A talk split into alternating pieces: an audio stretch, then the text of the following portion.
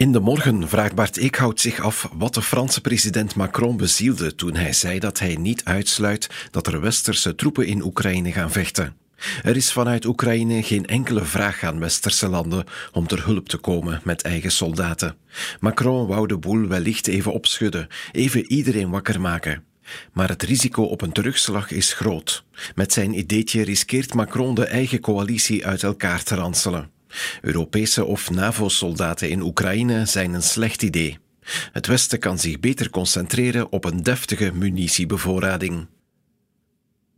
Nee, Oekraïne mag niet verliezen, maar wat is het plan? vraagt Lieven Sion in de Standaard. Rusland krijgt erg veel munitie van Noord-Korea en zal straks wellicht honderdduizenden extra soldaten recruteren. Daarmee kan Poetin een pletwals in gereedheid brengen voor een nieuw lenteoffensief.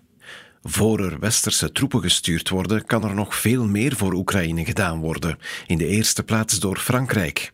Het land bungelt achteraan het rijtje in effectieve wapenleveringen aan Oekraïne. De solo slim van Macron legt genadeloos de Europese verdeeldheid bloot. Wat is de strategie? We kunnen niet achter de feiten blijven aanhollen. En nee, we kunnen geen eigen troepen sturen. De Franse president wou tonen dat Europa de oorlog niet moe raakt. Dat is de analyse van Isolde van den Einde in het laatste nieuws. Er is heel grote consensus dat als je Poetin laat winnen, het gevaar voor Europa alleen maar groter wordt. Maar de impulsiviteit van Macron is gevaarlijk. De boodschap was wellicht voor intern gebruik, tegen Marine Le Pen en het Rassemblement National, die lang dweepte met Poetin. Maar voor nationaal gewin zo spelen met geopolitieke strategie, dat is onverantwoord. Nu toont Europa verdeeldheid. Wat een boemerang.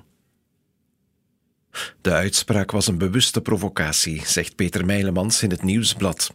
Het ballonnetje werd even snel afgeschoten als het was opgelaten. Er worden geen NAVO-troepen naar Oekraïne gestuurd. De halve suggestie van Macron duidt op paniek in Europese rangen. Decennia leefde in de EU de droom dat het continent verlost was van oorlogen. Het defensiebudget werd afgebouwd, de wapenproductie gesloopt. Vladimir Poetin heeft Europa die droom ontstolen. Voor Oekraïne is boots on the ground geen goed idee. Maar al het andere in de strijd gooien is nodig om de toekomst van Europa veilig te stellen. NAVO-grondtroepen sturen naar Oekraïne is geopolitieke science fiction, kopt Timmy van Diepen in het Belang van Limburg. De uitspraak van Macron was een signaal hoe ernstig de situatie op dit moment is. Als we nu niet genoeg doen, komen we straks in een situatie die we niet meer onder controle hebben. Als Oekraïne verliest en Rusland naderhand de Baltische staten binnenvalt, dan moeten de NAVO-troepen wel optreden. Met dat doembeeld probeert Macron de Europese steun aan Oekraïne aan te vuren. Chris van Marsenille kiest voor een ander onderwerp in Gazet van Antwerpen: de Natuurherstelwet. Die werd gisteren goedgekeurd, maar de discussie is nog lang niet afgesloten. Het wordt voor de Europese Commissie een enorme uitdaging om de natuur te beschermen en een eerlijk landbouwbeleid te voeren.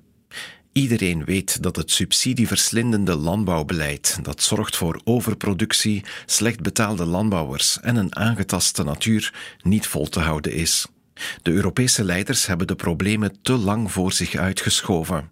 Niet alleen op dit domein, ook op het vlak van defensie, het industriebeleid en op economisch vlak. Al die crisissen tonen hoe zelfgenoegzaam Europa geweest is. Bussenbouwer Van Hool in Koningshoekt zit in slechte papieren.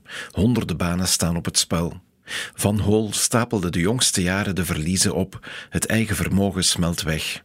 Een forse herstructurering is onvermijdelijk. De Vlaamse regering kreeg de vraag of ze Van Hool te hulp kan schieten. In de tijd schrijft Stefan Michielsen dat het in de eerste plaats de taak van het management en de aandeelhouders is om de bussenbouwer uit de gracht te takelen. Dat is niet de rol van de overheid. Tijdelijke steun is wel verdedigbaar. Maar het heeft geen zin bedrijven overeind te houden met overheidsbestellingen, subsidies of kapitaalinjecties als ze economisch niet meer leefbaar zijn. Ik ben Jo Valvekes en dit waren alle krantencommentaren van woensdag 28 februari.